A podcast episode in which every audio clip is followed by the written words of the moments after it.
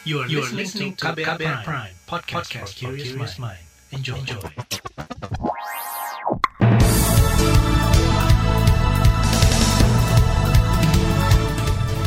Selamat pagi saudara, senang sekali kami bisa menjumpai Anda kembali melalui program Buletin Pagi KBR, edisi Jumat 28 Mei 2021 bersama saya Ardi Rosyadi.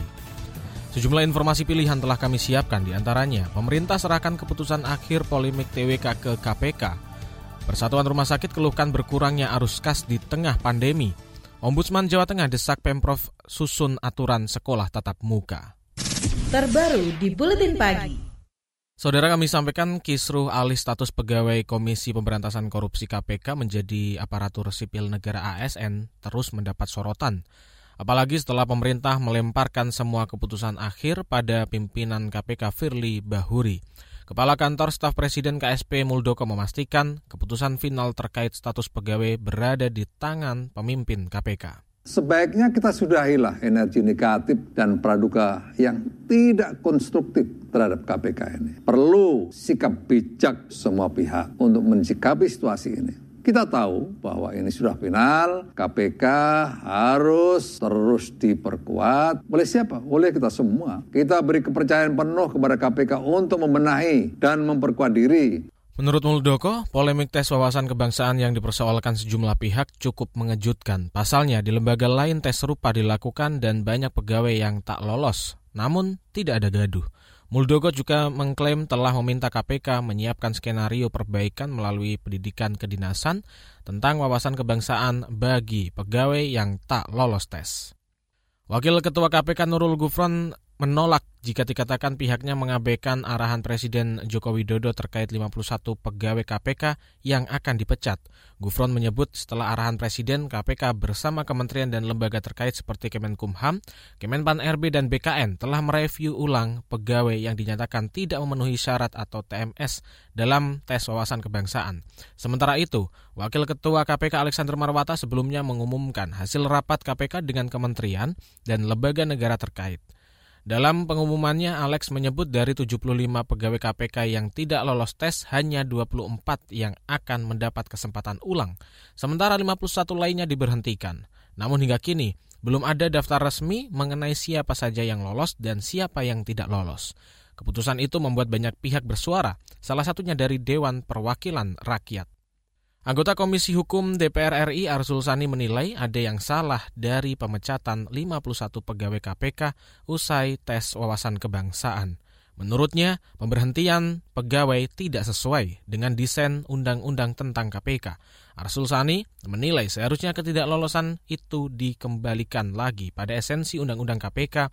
Jika nantinya ditemukan pelanggaran, maka bisa diberi sanksi sesuai undang-undang ASN maka desainnya itu justru tidak untuk kemudian proses alih status itu untuk memberhentikan. Yang mestinya dilakukan adalah proses itu dilakukan dulu, ada pembinaan. Kalau tidak bisa dibina, ya kemudian diproses kenakan tindakan disiplin atau tindakan apa pun okay. berdasarkan perundang-undangan ASN. Itu tadi anggota Komisi Hukum DPR RI Arsul Sani. Sementara itu anggota Komisi Hukum lain Benika Harman berpendapat imbauan Presiden Jokowi kemarin terkesan hanya basa-basi dalam menyikapi masalah TWK. Menurutnya Presiden saat ini harus menunjukkan komitmen terhadap pemberantasan korupsi agar masyarakat percaya bahwa tidak ada pelemahan terhadap KPK. Salah satunya dengan menerbitkan perpu pengganti undang-undang agar polemik segera usai. Menyikapi hal itu, peneliti Pusat Kajian Anti Korupsi Pukat UGM Yuris Reza Kurniawan menilai akan ada penurunan kinerja KPK setelah kisruh pemecatan bergulir. Pasalnya, saat ini sedang terjadi pemretelan kewenangan, independensi, serta penghilangan pegawai yang berintegrasi di lembaga anti rasuah tersebut. Artinya orang-orang yang selama ini menjadi motor gerakan pemberantasan korupsi melalui KPK, KPK ini dilanjutkan dengan skema ini akan sangat mempengaruhi sekali kinerja KPK dan yang selalu kami khawatirkan sebenarnya KPK ke depan mungkin tidak akan mati, tapi yang justru paling mengkhawatirkan adalah menjadi alat politik orang-orang tertentu yang memiliki kuasa untuk mengepuk beberapa lawan politiknya yang menggunakan tangan KPK. Peneliti Pukat UGM Yuris Reza juga mengatakan saat ini KPK telah menjadi lembaga eksekutif di mana ada kekuasaan besar seperti presiden yang dapat mengatur di dalamnya. Untuk itu ia mendorong presiden untuk turun langsung membenahi permasalahan ini jika memang berniat untuk melindungi para pegawai dan lembaga KPK itu sendiri. Lebih lanjut lagi Yuris mengatakan ada dua langkah yang juga bisa dilakukan para pegawai KPK untuk memperbaiki situasi saat ini yakni dengan melakukan langkah advokasi dan langkah hukum lewat Pengadilan Tata Usaha Negara PTUN untuk menganulir surat keputusan pemberhentian. Sementara itu, Ketua Wadah Pegawai KPK Yudi Purnomo harap kembali mendatangi Komisi Nasional Hak Asasi Manusia Komnas HAM. Pertemuan itu menurut Yudi untuk membahas kelanjutan laporan dan memberikan tambahan berkas terkait adanya dugaan pelanggaran HAM yang dilakukan Ketua KPK dalam proses TWK bahwa hari ini kami ke Komnas HAM untuk melengkapi berkas pengaduan yang sebelumnya telah kami sampaikan secara langsung dengan juga membawa data serta dokumen tambahan termasuk juga testimoni dari pegawai KPK baik yang memenuhi syarat maupun yang tidak memenuhi syarat terkait dengan kejanggalan-kejanggalan yang terjadi pada saat proses asesmen itu tadi Ketua Wadah Pegawai KPK Yudi Purnomo ditemui seusai rapat dengan BPKPK Komisioner Pemantauan dan Penyelidikan Komnas HAM Khairul Anam mengatakan setelah mempelajari berkas aduan pegawai, pihaknya akan segera memanggil Ketua KPK Firly Bahuri. Anam mengatakan pihaknya telah menemukan satu dinamika yang belum pernah muncul ke publik dalam kasus tersebut. Untuk itu, sebelum pemanggilan, Komnas HAM akan melakukan pendalaman terlebih dahulu terkait temuan tersebut. Informasi ekonomi akan hadir usai jeda. Tetaplah di Buletin Pagi KBR. You're listening to KBR Pride, podcast for curious mind. Enjoy!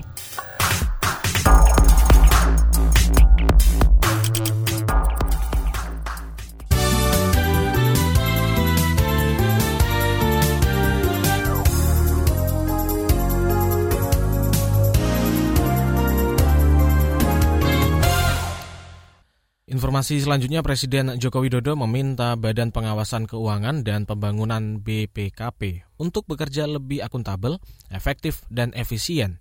Menurutnya penguatan pengawasan harus dilakukan agar menjamin tidak ada penyalahgunaan anggaran negara. Sekali lagi, yang ditunggu oleh rakyat itu adalah hasilnya. Yang ditunggu oleh rakyat itu adalah manfaat dari setiap rupiah yang dibelanjakan oleh pemerintah. Dan pengawasan harus menjamin tidak ada serupiah pun yang salah sasaran. Tidak ada yang disalahgunakan, apalagi dikorupsi. Presiden Jokowi mengatakan telah berkali-kali menyatakan tidak akan memberikan toleransi sedikit pun terhadap penyelewengan anggaran apalagi saat kondisi pandemi. Kata dia, semua kementerian lembaga harus bersikap hemat dalam rangka menghadapi pandemi. Menteri Investasi Kepala Badan Koordinasi Penanaman Modal BKPM Bahlil Lahadalia menyatakan optimistis Indonesia ke depannya akan jadi salah satu negara tujuan investasi bagi negara lain. Ia menyebut optimisme ini salah satunya karena sumber daya alam Indonesia sangat kaya dari berbagai sektor industri. Sumber daya alam kita sangat luar biasa sekali. Tidak perlu diragukan. Kita mempunyai sumber daya alam baik dari perikanan, pertambangan, kehutanan, kemudian kita juga mem mulai membangun green energy dengan membangun power apa uh, power plant bertenaga air.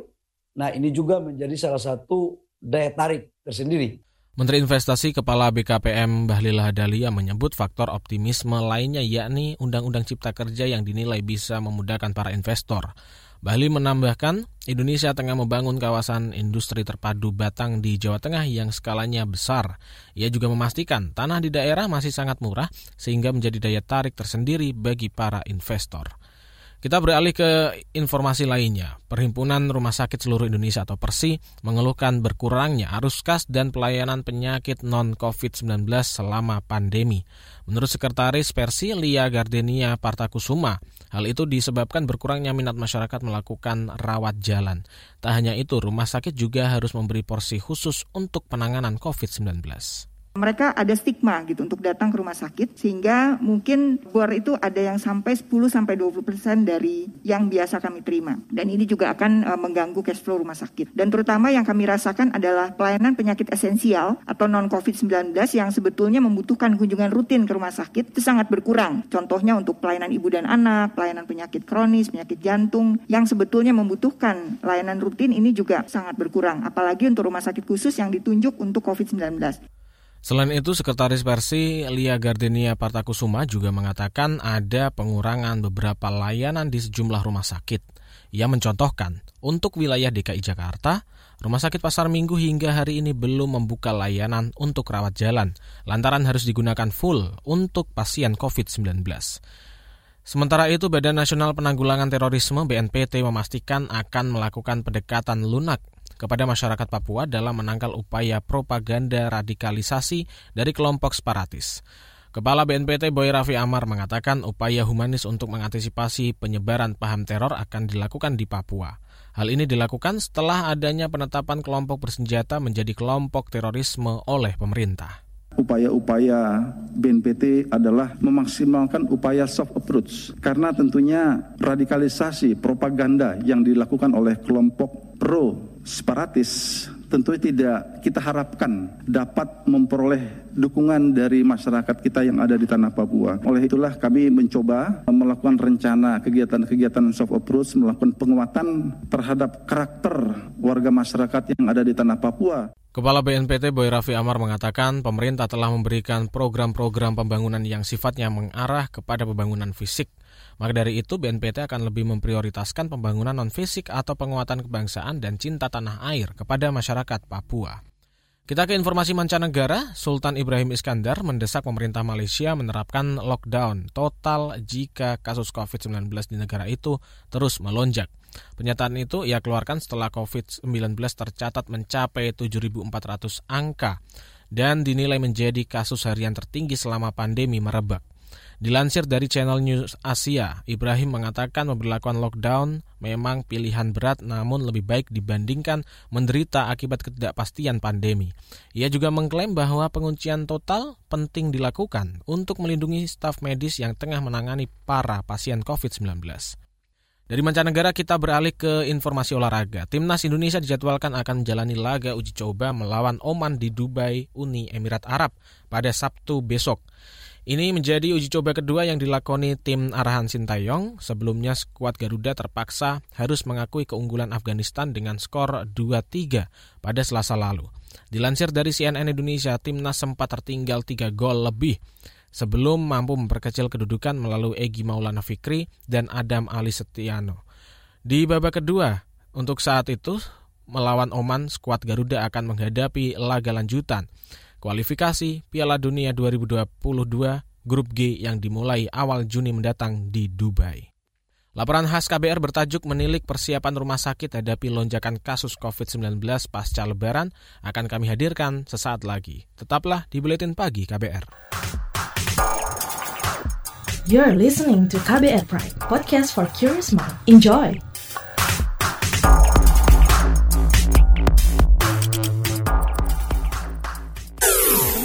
Commercial break.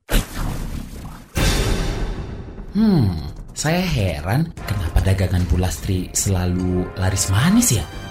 Jangan-jangan dia pakai penglaris nih. Ah, masa iya sih? Ah, saya samperin aja kali ya.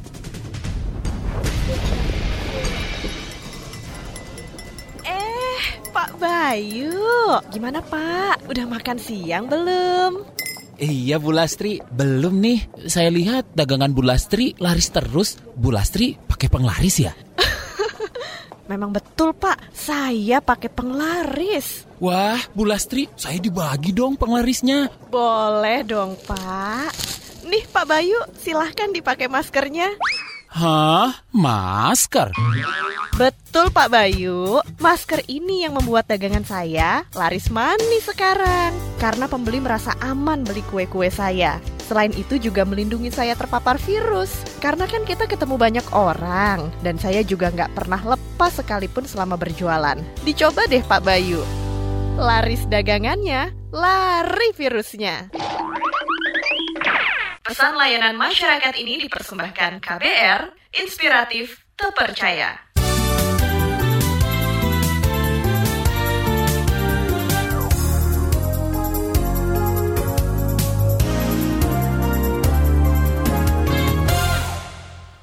Saudara pasien COVID-19 di sejumlah rumah sakit kembali meningkat usai libur lebaran. Satuan Tugas Penanganan COVID-19 mencatat hingga 22 Mei lalu ada empat provinsi dengan tingkat keterisian tempat tidur rumah sakit mencapai lebih dari 50 persen.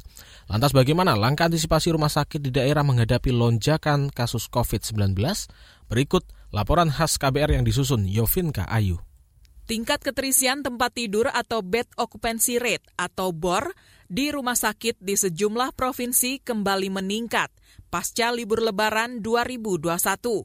Satuan Tugas Penanganan COVID-19 mencatat hingga 22 Mei 2021 ada empat provinsi yang tingkat keterisian tempat tidurnya melebihi angka 50 persen, yakni Provinsi Sumatera Utara, Kalimantan Barat, Sumatera Barat, dan Riau. Ketua Bidang Data dan Teknologi Informasi Satgas Penanganan COVID-19 Dewi Nur Aisyah mengingatkan masyarakat waspada dengan peningkatan angka BOR di empat provinsi tersebut. Di sini yang mungkin harus kita hati-hatikan adalah Provinsi Sumatera Utara, Kalimantan Barat, Sumatera Barat, dan Riau. Sedangkan untuk eh, uh, 30 uh, provinsi yang lain, ini memiliki angka keterisian tempat tidur kurang dari 50 persen. Selain empat provinsi tadi, kenaikan bor rumah sakit juga terjadi di DKI Jakarta sebanyak 2,3 persen dan Jawa Tengah 6,9 persen sejak 14 Mei. Sementara di Jawa Barat, bor naik 3 persen sejak 15 Mei dan di Yogyakarta naik 6,3 persen sejak 22 Mei. Menghadapi lonjakan kasus COVID-19, Kementerian Kesehatan memastikan kapasitas tempat tidur di rumah sakit siap menampung pasien COVID-19 di seluruh Indonesia. Wakil Menteri Kesehatan Dante Saksono Harbuono mengatakan terdapat 71 ribu lebih tempat tidur isolasi pasien COVID-19 atau 20 persen dari kapasitas rumah sakit nasional. Tadi saya sampaikan ada 27 ribuan kasus yang dirawat di ruang isolasi. Sedangkan board capacity yang kami sudah konversi untuk ruang isolasi ada 71.506 eh, tempat tidur. Sehingga kita juga masih punya kira-kira 300 persen kapasitas board yang diantisipasi untuk menjaga kalau ada peningkatan kasus Sementara terkait obat-obatan, Wakil Menkes Dante Saksono Harbuono mengklaim akan menyediakan stok obat sebanyak 50 persen lebih besar selama tiga bulan ke depan. Ia memproyeksikan puncak kasus COVID-19 di Indonesia pasca lebaran bakal terjadi pada pertengahan Juni 2021. Senada dengan itu, Asosiasi Rumah Sakit Swasta Indonesia atau ARSI mengaku siap menambah kapasitas tempat tidur di rumah sakit, baik ruang isolasi pasien COVID-19 maupun unit perawatan intensif atau ICU. Sekjen Arsi Iing Iksan Hanafi mengatakan saat ini tersedia sekitar 28 ribu tempat tidur di rumah sakit swasta untuk pasien COVID-19. Kami dari rumah sakit swasta itu yang ikut terlibat dalam pelayanan COVID ini ada 1.903 rumah sakit, ya jumlah tempat tidur isolasi yang tersedianya sebanyak 28.486, jumlah tempat tidur isolasi yang terpakai sebanyak 10.731, jumlah tempat tidur in, intensivis yang tersedia sebanyak 2.914 dan uh, jumlah tempat tidur insentif yang terpakai ini ada 1.037. Ya, jadi uh, mudah-mudahan uh, kalau memang nanti kondisinya uh, mendesak, tentunya kami dari rumah sakit swasta juga siap untuk menambah kapasitas tempat tidur isolasi maupun untuk uh, ICU-nya. Selain Arsi, Perhimpunan Rumah Sakit Seluruh Indonesia atau PERSI juga akan memperketat syarat pasien masuk ke rawat inap khusus COVID-19. Hal tersebut diungkapkan Sekjen Persi, Lia G. Partakusuma rumah sakit diharapkan hanya merawat pasien sedang, berat, dan kritis. Nah, kami berharap di sini adanya rumah sakit-rumah sakit lapangan yang bisa membantu rumah sakit agar bisa menata laksana pasien-pasien yang tanpa gejala atau gejala ringan seperti Wisma Atlet. Mudah-mudahan ini juga ada di daerah-daerah, terutama untuk yang kasus-kasusnya tinggi, lebih dari 50 persen. Ini kalau kita lihat ada beberapa yang tinggi itu biasanya bukan karena jumlahnya yang banyak, tapi memang kapasitas di rumah sakit tersebut, isolasinya atau ruangannya yang memang sangat terbatas. Persi juga meminta rumah sakit memperhatikan tingkat keterisian tempat tidur, termasuk meminta bantuan pemerintah daerah menambah kapasitas tempat tidur di rumah sakit, khususnya daerah yang mengalami lonjakan kasus COVID-19. Demikian laporan khas KBR yang disusun Yovin Kaayu, saya Astri Yuwanasari. Informasi dari berbagai daerah akan hadir usai jeda, tetaplah bersama Buletin Pagi KBR. You're listening to KBR Pride, podcast for curious mind. Enjoy!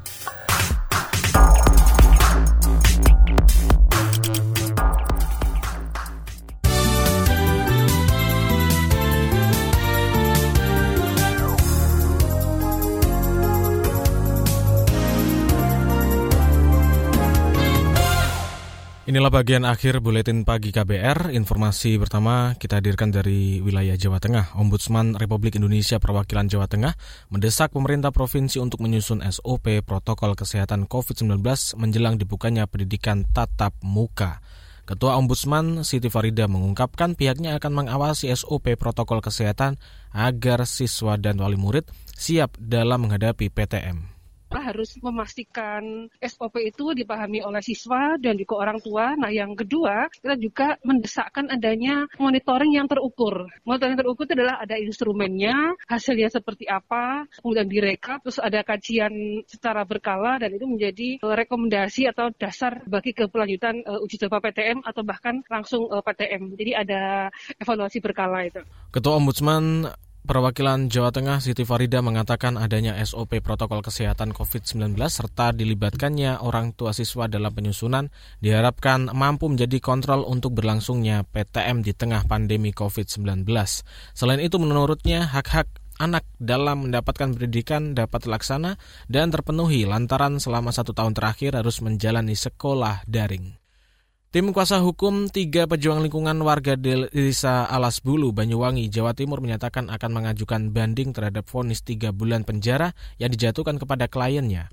Ketua tim kuasa hukum tiga warga Alas Bulu Ahmad Rifai mengatakan dalam amar putusan majelis hakim sama sekali tidak mempertimbangkan pledoi atau pembelaan yang diajukan.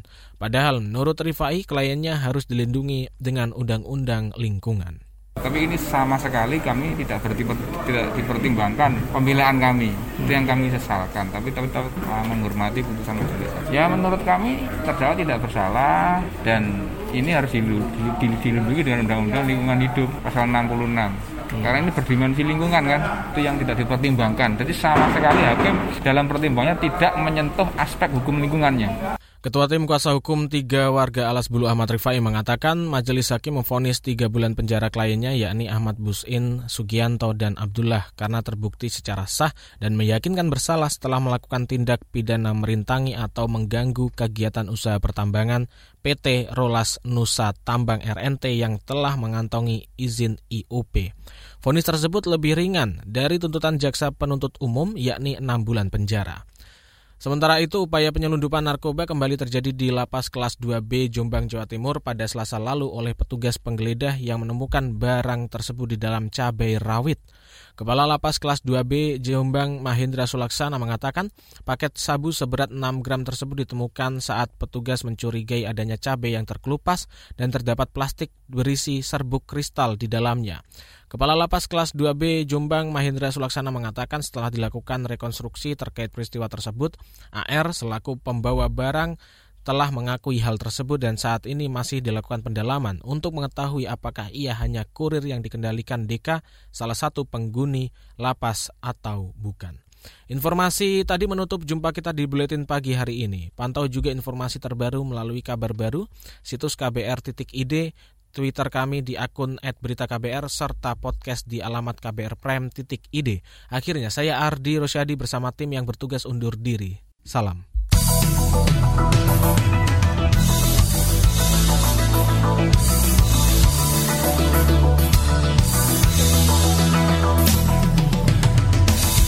KBR Prime, cara asik mendengar berita. KBR Prime, podcast for curious mind.